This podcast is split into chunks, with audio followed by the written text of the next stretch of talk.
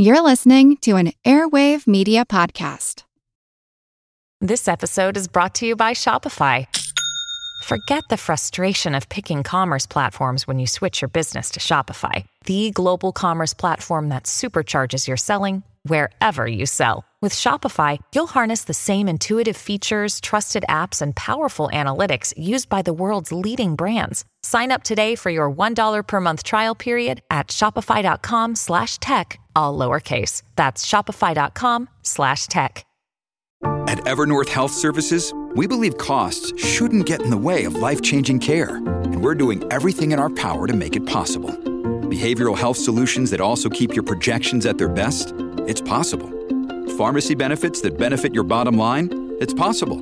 Complex specialty care that cares about your ROI? It's possible. Because we're already doing it. All while saving businesses billions. That's Wonder made possible.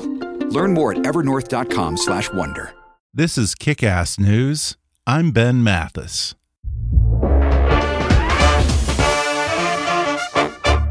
Folks, is your Mac computer running slower than usual? Well, if it's a year old, then it's already filled with junk that's slowing it down. Thankfully, there's a safe free download called FreshMac. Designed to scan, clean, and optimize your Mac computer, FreshMac can speed up your Mac and free up hard space in minutes. That's right, its one click scan can tell you what's clogging up your Mac in just 60 seconds. So freshen up your Mac and go to freshmac.com to download FreshMac for free now. That's freshmac.com. And now, enjoy the podcast. Hi there, I'm Ben Mathis, and welcome to Kick Ass News.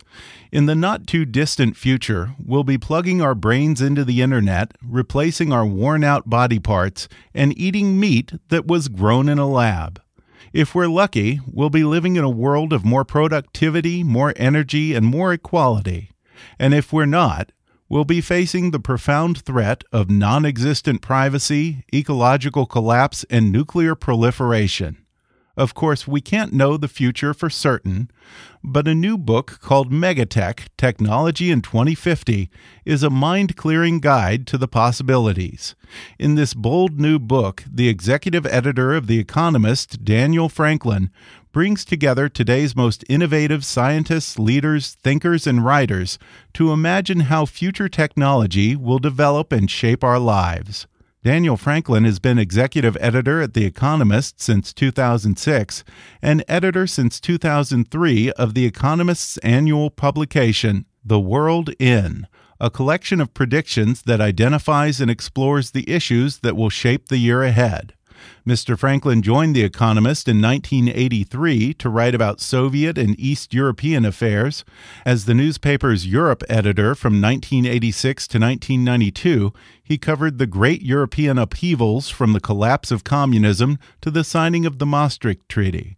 After a stint as the Britain editor, he moved to the United States as Washington bureau chief covering the first Clinton term. In 1997, he moved back to London as editorial director of the Economist Intelligence Unit. From 2006 to 2010, he was editor in chief of Economist.com, and for the following four years, he was business affairs editor, running the paper's coverage of business, finance, science, and technology. In 2012, he published an eye opening book called Mega Change The World in 2050, which guides readers through the sweeping fundamental trends changing the world in the coming decades. Now he's followed it up with a new book, Megatech Technology in 2050, which focuses specifically on the tech trends.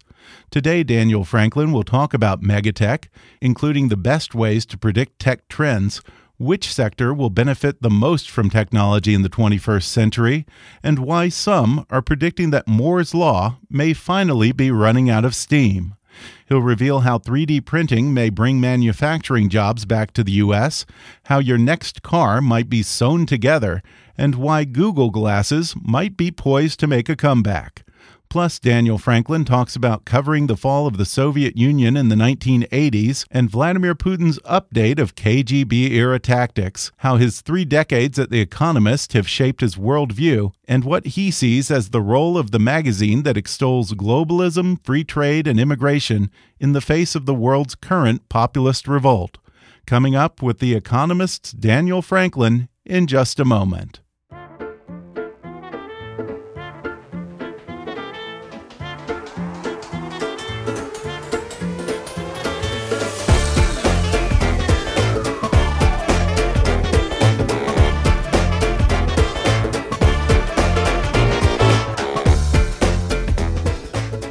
Daniel Franklin has been executive editor of The Economist since 2006 and editor since 2003 of The Economist's annual publication The World In, which focuses on the year ahead. His book on long term trends, Mega Change The World in 2050, came out in 2012. Daniel Franklin and the team at The Economist have now followed it up with a new book looking ahead at tech trends called Megatech Technology in 2050. Daniel Franklin, thanks so much for joining me. Thank you. Pleasure to be with you. Well, before we get into the new book, uh, you've been at The Economist for quite a while. I believe you've been there since 1983. I'd be curious, how has your worldview changed, or has it changed much since you first came to The Economist?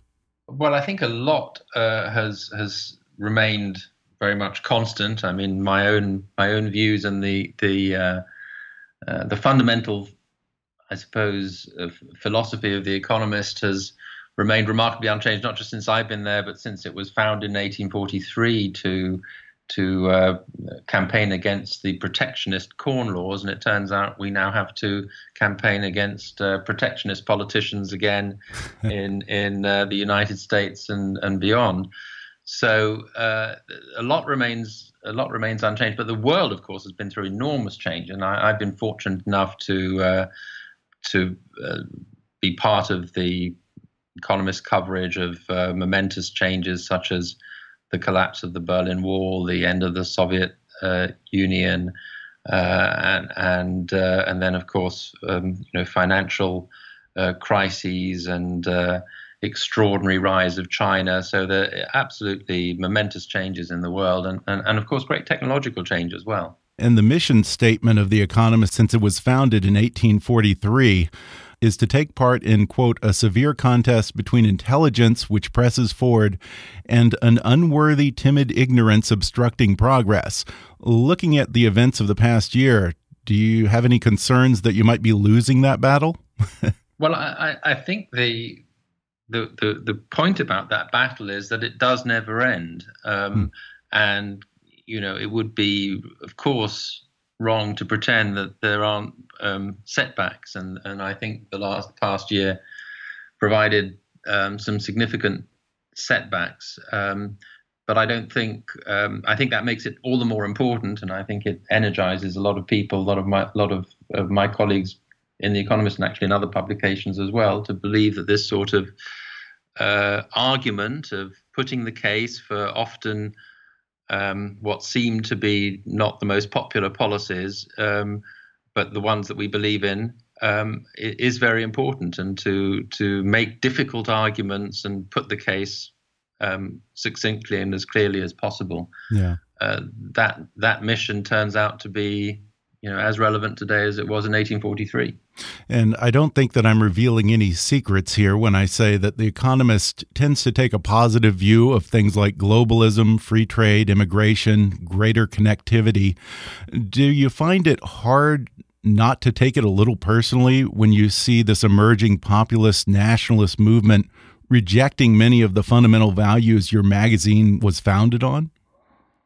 Uh, well, I, I, don't think it's necessarily um, surprising that people object. They always have done. There's always, uh, you know, the, the forces against such ideas and the immediate attractions, the, the, I suppose the narrow attractions of more protectionism, uh, more closer national identity is, is, is actually, you know, very understandable. And the, the, the, the I suppose the challenge for us is to patiently explain again and again why it's actually in the greater interests, ultimately, even of the people who are attracted by such policies, to have the more open um, world that that that that we um, argue works most most effectively and leads to greater human welfare over time.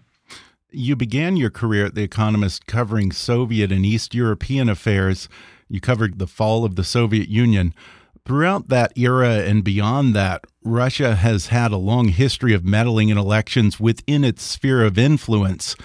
Were you surprised by the brazenness with which Russia applied these same tactics to a U.S. presidential election? And what do you think it all means? Uh, I, I, suppose I'm not surprised by the brazenness. I'm surprised by the effectiveness of it. I, am not saying that it necessarily swung the result, but it certainly didn't hurt. Uh, surprisingly successful in inserting ideas and themes into the election campaign using some fairly traditional propaganda tools, but with the with the twist that it was using new technology to, to, to make them work and spread faster and more effectively. Having covered the Soviet Union in the 80s, do you feel any bit of deja vu? Yes, but then I felt deja vu even in the Soviet covering the Soviet regime with older themes of Russia. I remember one of the earlier pieces I wrote for The Economist was went way back to the early Western travelers to Russia and the sorts of things they found in Tsarist Russia uh, and you find remarkably similar themes preceding even the communist era, the types of mystique of Russia and the um, obsessions or the the uh, preoccupations of Russia compared with Western views and so on. There's a lot more continuity than I think people realize mm-hmm. between mm-hmm. these long traditions and the particular political regime uh, in any given period. Well, this new book is called Megatech, and it's sort of a sequel to your book Mega Change, which talked about the fundamental trends shaping the 21st century. That book came out almost five years ago. A lot has happened since then the war in Syria, Russia's annexation of Crimea, Brexit, this larger populist trend, not to mention the election of Donald Trump. In the time since Mega Change was published in 2012, have you identified any new trends that we want to keep our eye on? Uh, well, I think you've described some pretty important ones that certainly um, have have emerged, and that would would certainly, if we wrote the book today, we'd I suppose uh, emphasize that more. Although I think they were to some extent already visible. Um, but really, what this focus on 2050 tries to do is to move beyond the things that are just happening over a, a, one, two, three, four, five year period and, and look at the real shifting tectonic plates. So you look, for example, at the really profound changes in population trends, uh, you know, the aging of the population, how many people we'll have on the planet, the urbanization that is proceeding apace, where the people are going to be, where the young people are going to be compared with where the aging workforce is going to be. You know, that's just the population end of it, but you can uh, push those trends out, not with absolute 100% certainty, but with a with a fairly good idea of broad trends out a number of decades, and you get a very um, vivid and mind concentrating picture of the sorts of um, issues that we're going to be grappling with in the decades ahead. So that was the idea behind Mega Change, and now the idea is to follow up with a with a very focused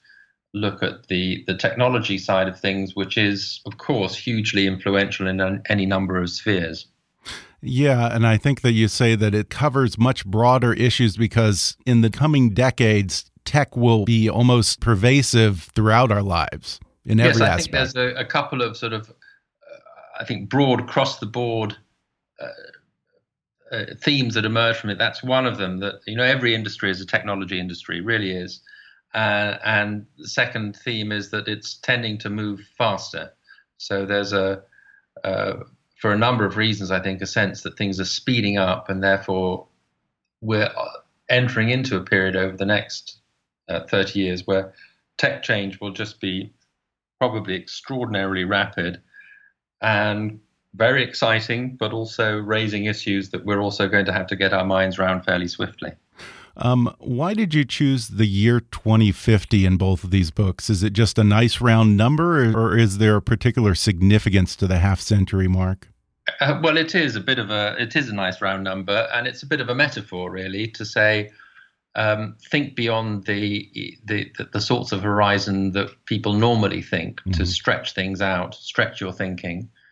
Um, you know, people are pretty good at and I do this every year with my publication, The World In, you know, thinking what's going to be happening next year, perhaps even what's going to be happening five years out, but thinking, you know, a generation or a bit more ahead.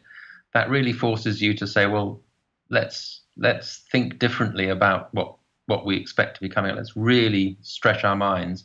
And I think when you do that, you find that you see the present in a sense a bit more clearly as a result. Megatech is a collection of essays from a very diverse range of writers, including economists and futurologists to philanthropists and even sci fi writers. How did you go about deciding who to include in this book? Yeah, well, unlike Mega Change, which was mainly from our from our own economist writers, this was about half and half. Um, half of them are my economist colleagues, and uh, I would have been downright stupid not to go to the people who are working in the offices uh, down the corridor who are extremely brilliant and have great insights into many of these issues.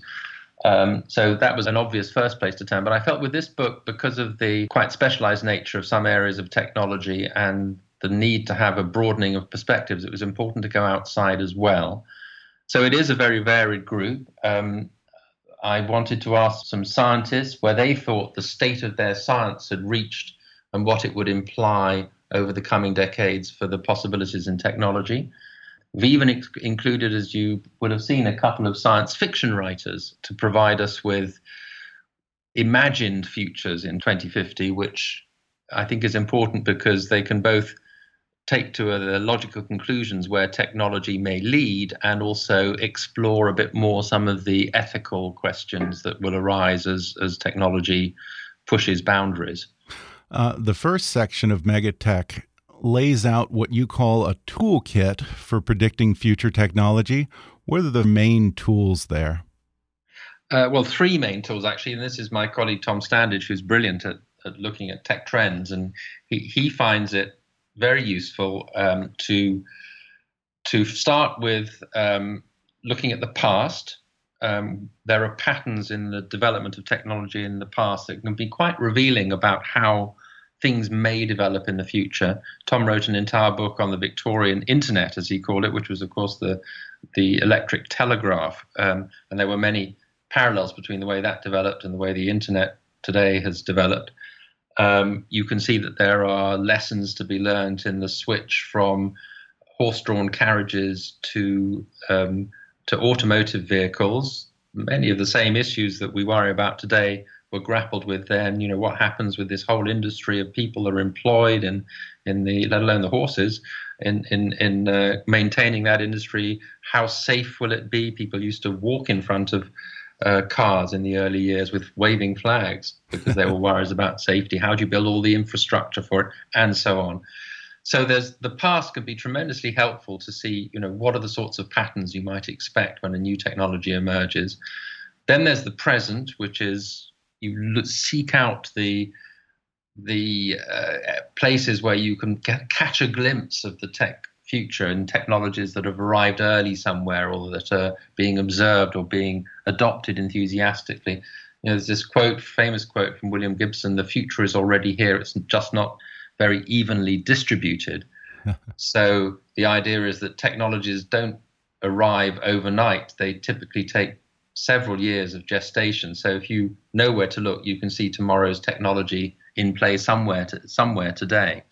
And then the third piece of the toolkit is is uh, science fiction. As I said, it can be very instructive as uh, playing out to the nth degree what happens when a particularly particular technology uh, takes off. It can also provide something of a roadmap to technologists who maybe or often are sci-fi addicts themselves and and set about creating in practice what they've seen in the film or read in the book. Yeah, and I want to talk about that middle tool because you say that it's often a very niche group or demographic that is an early adopter of certain technologies. What would be a good example of that? Yeah, and you have to start by saying, of course, this is difficult stuff. You may pick on the wrong one. Trend spotting is is hard. You you you. A lot of people are trying to do it, and you can find the wrong one. But good example might be in the early part of this century, Japan had a very um, sort of enclosed telecoms infrastructure. So they started doing things with their phones that weren't being done anywhere else. Um, and you started seeing features appearing on on Japanese phones uh, that weren't available in America yet or in Europe.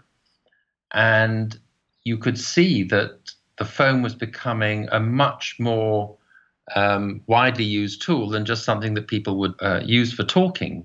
Uh, and so people started to look at what the Japanese were doing with their phones, in, in particular, Japanese schoolgirls who were the most um, uh, avid uh, users of, of, of, these possibilities.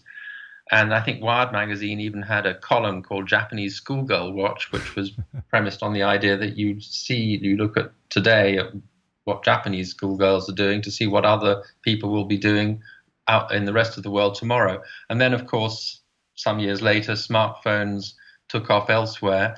And uh, and it does turn out that the phone is the very handy material of, of technology of choice for where we more or less can have all our knowledge and conduct much of our business. We're going to take a quick break, and then I'll be back to talk more with Daniel Franklin, executive editor at The Economist, when we come back in just a moment.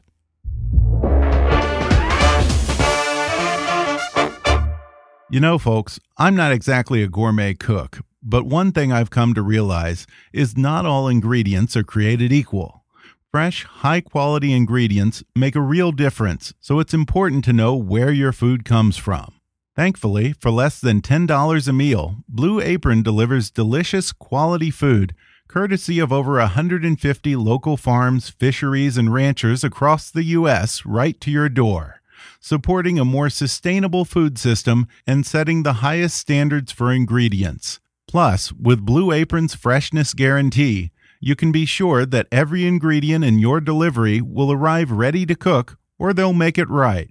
It's no wonder that they're the number one fresh ingredient and recipe delivery service in the country.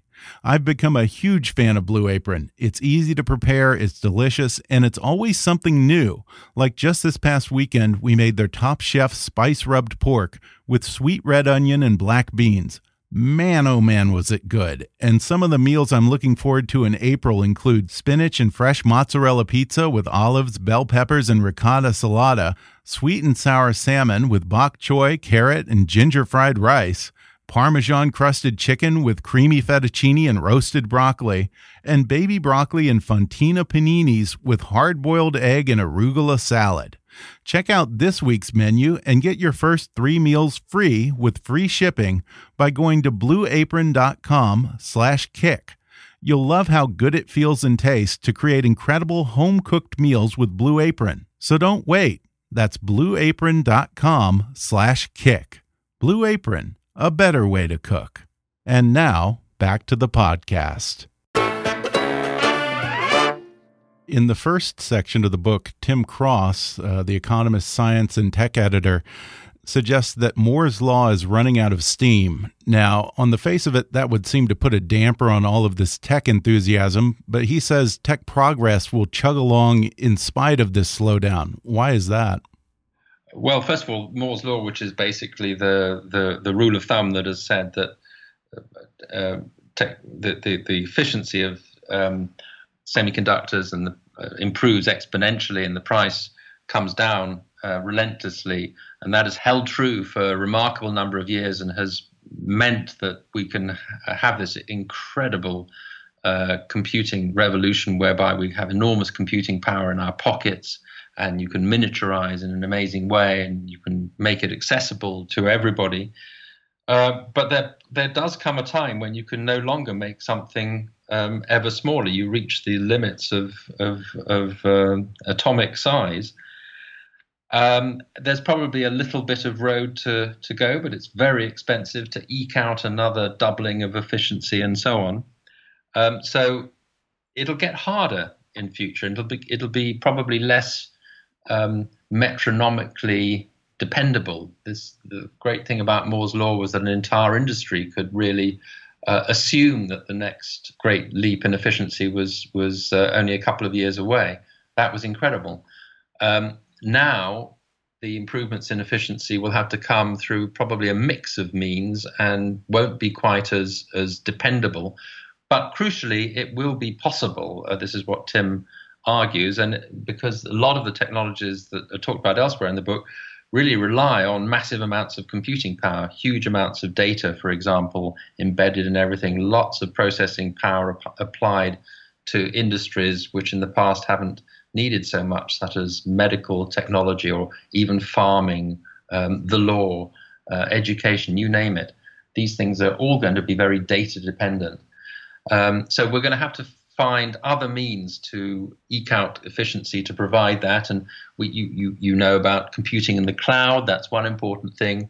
Um, there are probably improvements in software that can can help. Um, and then in the future, there are technologies such as quantum computing, which are really mind bending, um, that that will come into uh, practical use and and probably provide whole new exciting developments for computing. Yeah, and you mentioned farming. It may come as a surprise to many readers that that is the industry that the book says will be most transformed by technology. Uh, what can we look for there?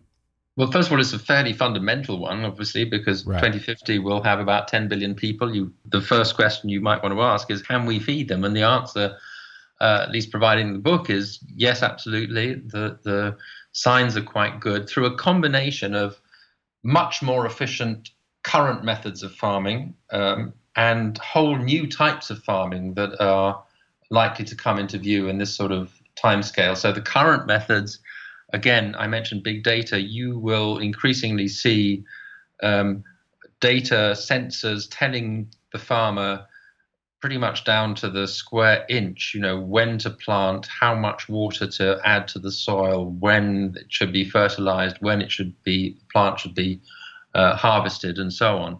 So that will that can provide uh, terrific efficiency gains. So can the gains from gene editing that will enable crop varieties to be created that are um, much more resilient and efficient and possibly even new types of enhanced photosynthesis that will make plants grow faster. So all these all these methods can make existing farming much more efficient. There are great gains, of course, from applying existing technology to parts of the world that haven't benefited from them yet. So um, providing more tools in the hands of um, farmers of, in the emerging world can make a big difference. But then there's the sort of futuristic farming um, vertical farms in urban areas, which are mm.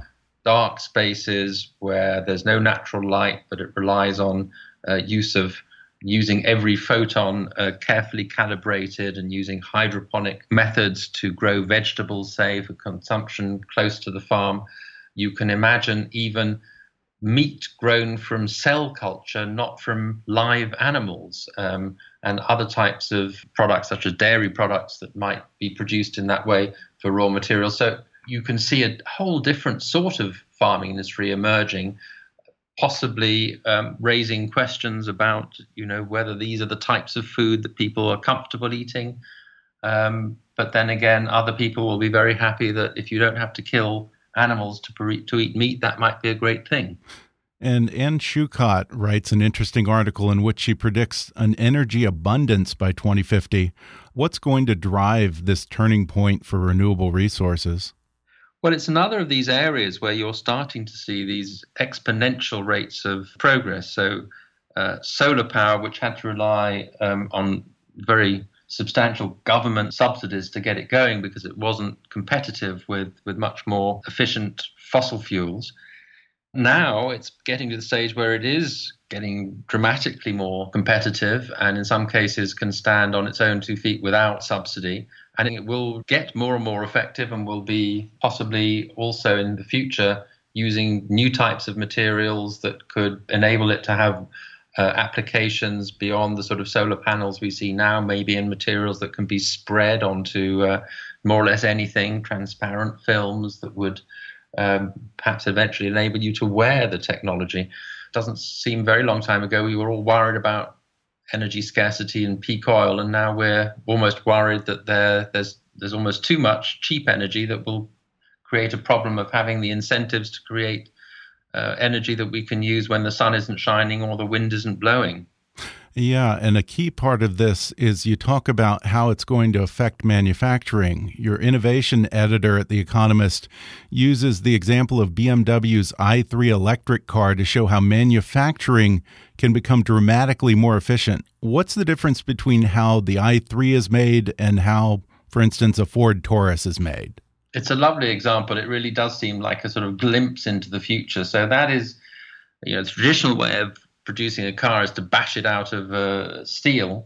this is using techniques that you might recognize more from a textile factory. It's actually weaving the the body of the car together through clever use of of uh, synthetic material, carbon fiber, and the result is much less use of water, much yes, less use of electricity than would be the case in the traditional way of making such a car, and probably use of clever materials can also get you lighter and and perhaps even more aerodynamically effective materials and so on. So, um, new production techniques and new materials in particular. There's talks of really a new era where you create uh, many materials that have never existed before and can start to even design materials to order rather than uh, trial and error you more or less say, I want a material of this property, and you can set about starting to produce it. Paul Markillie, who writes this chapter, says something very intriguing at the end, which which is uh, which is fascinating. That the great entrepreneurs of the future will be making things. So, hmm. in, you, one thinks of the big entrepreneurs, or many of the big entrepreneurs of recent times, of having been involved in the software industry or in services of one sort or another. Think of Facebook or Google or Microsoft um, making things will be, and you can see perhaps Elon Musk is a, an example of someone who is making things and whose whose uh, car company has just um, surpassed Ford in its market capitalization. So uh, you can see that sort of starting to come into view already. Yeah, and one bright spot for U.S. labor is you have an essay detailing how 3D printing will cause a lot of manufacturing that went offshore to come home. My question to you is if we have 3D printing technology, won't countries like China and Vietnam have the same technology and still be able to make those materials and parts even cheaper? Uh, well, they will. They do. I mean, the, the China, for example, is is investing very heavily in robots for manufacture. China is also investing very heavily in 3D printing. In fact, it, it, China, there's a Chinese company that's even printing uh, homes so apparently, a giant machine that looks a little bit like a giant sort of machine that you, you use to ice a cake is pressing out actual units for, for housing.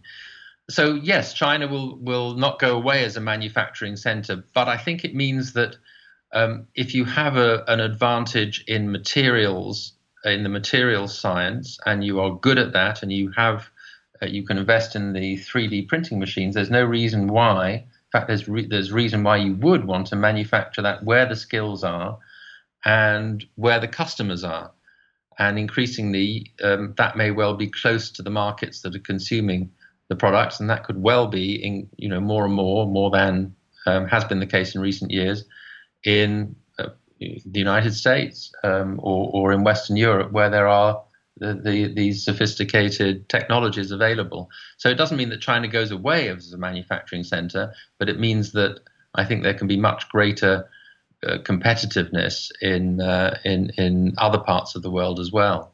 The book argues that the trickiest adjustment of all is the way we manage new technologies alongside labor markets and pay earned by workers.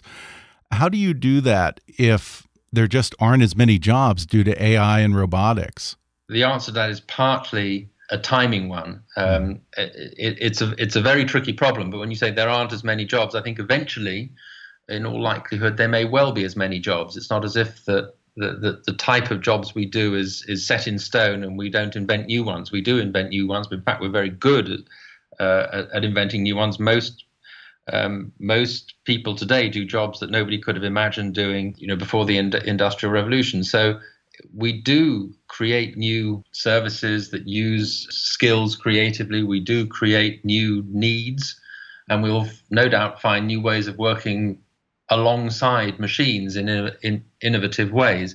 The problem is we won't necessarily do that at the same rate that the old jobs are are pushed aside, mm-hmm. uh, or that the people who are um, pushed aside may not have the types of skills that are needed in the new economy. So I think there is a genuine problem there of um, possibly rather a long transition where we're moving over to a very different type of, of, of labor force working along with very sophisticated machines. Mm-hmm. And, and how we handle that is, I think, going to be one of the big uh, challenges of public policy, and that's why people are thinking of uh, solutions. I'm not sure I would go along with this, but universal basic income, uh, as something that might handle the tr- transition. We're certainly going to have to give a lot more thought to the sorts of skills and the sorts of flexibility that the workforce of the future will will need to adapt to this world. The book ends with a look at the fears that people had at the dawn of the Industrial Revolution. Now, many futurists and tech thought leaders say that due to robotics and artificial intelligence, the next wave is going to be so radically different from any of the technological upheavals that preceded it that the old rules of creative destruction may not apply. And some might even say that comparing the Industrial Revolution with what's coming in this next chapter is a little bit like comparing a Bronze Age sword to a nuclear missile. What do you think might be applicable here? And do you consider this chapter about the Industrial Revolution a glimmer of hope or a dire warning? Well, the, the, actually, the concluding chapter, which does look back to the Industrial Revolution, is is not. I wouldn't say it was entirely reassuring. I think it's making a, a rather sobering point that um, one of the things that, that you can expect is that technology will have unintended consequences. It it, it really um, tends to do that, and particularly when it's moving at, at speed. And some of the things that we're grappling with today, such as you know carbon in the atmosphere, or we grappled with um, hole in the ozone layer. These were results of things that people didn't dream were going to be problems when they set about um, you know inventing the steam engine or um, or, or, or, refrigeration chemicals for um, that, that ended up creating an ozone problem, and then you have to you have to start dealing with that problem. And we're today dealing with problems of computer security, cyber security that um, perhaps we should have thought more about in advance of, of digitizing like mad. But that wasn't really so much on the radar screen until we suddenly realized actually we've got a big problem on our hands. And you mentioned, you know, the the the, the um, other manifestations of this in the, the, the political sphere as well. Well, the book presents an interesting tug of war between people such as economist and so called pessimist Robert Gordon, who argues that digital technology could actually lead to greater inequality, and those who take a more bullish view of the future, like Melinda Gates, who predicts that technology will actually have a democratizing effect. What is your personal view? Do you tend to err on the side of optimism or pessimism? Well, I think there's the fund, there's that fundamental um, tension that runs through the books. It's not something I, again, particularly, uh, you know, coordinated between the various contributors. It's something that it just exists, and often within a chapter there will be um, a sense of the excitement of what's on offer, while at the same time uh, saying, "Well, be careful because this is poses some problems that we're going to have to handle down the road." There's no room here, I don't think, for complacency, but there is room for a lot of excitement about the sorts of enhancement of human welfare and human possibilities that technology can can bring. Before we sign off here, I was interested to read an article by your news editor, Leo Mirani, in which he predicts that augmented reality glasses will replace smartphones. Now, hasn't the public already rejected that idea with the Google glasses? Well, I think Google Glasses are one example of the sort of the early version of this that didn't live up to the hype and people quickly rejected them. But I don't think that means that they're going away. Um, I think, on the contrary, people will come back and, and there'll be better designs for this. Uh, already, you can see, I think, uh, versions of this type of technology, augmented reality, capacity that is proving very effective in in industrial settings in improving productivity and the sort of utility value of it will will only be improved as as uh, companies develop smarter versions of it and I think crucially versions that that look quite um, convenient to wear and, and quite cool to wear not not something that you might be embarrassed to put on. Yeah, the futurist Michio Kaku once told me that uh, they may even have contact lenses with computers in them by then. I think there's patents out on those already. So, really? you know, that's wow. uh, that's you know very real prospects. Well, I guess we'll have to talk in another five years and see where we stand. Uh, the book is called Megatech Technology in 2050. Daniel Franklin, thanks so much for joining me. Thank you. My pleasure. Thanks again to Daniel Franklin for joining me on the podcast. You can order his book, Mega Change Technology in 2050, on Amazon. Subscribe to his magazine, The Economist, and The Economist Online at TheEconomist.com. Check out Daniel Franklin and his team's The World in 2017 predictions at TheWorldIn.com and follow them on Twitter at, at EconWorldIn. Be sure to subscribe to Kickass News on iTunes and leave us a review while you're there. Don't forget to take our listener survey. It only takes five minutes at podsurvey.com/kick. You can visit Kickass News on Facebook and follow us on Twitter at, at KickassNewsPod. And be sure to recommend Kickass News to your friends on your social media. And if you really want to help out, then donate to our GoFundMe campaign at gofundme.com slash kickassnews or click on the donate button at kickassnews.com. As always, I welcome your comments, questions, and suggestions at comments at kickassnews.com. For now, though, I'm Ben Mathis, and thanks for listening to Kickass News.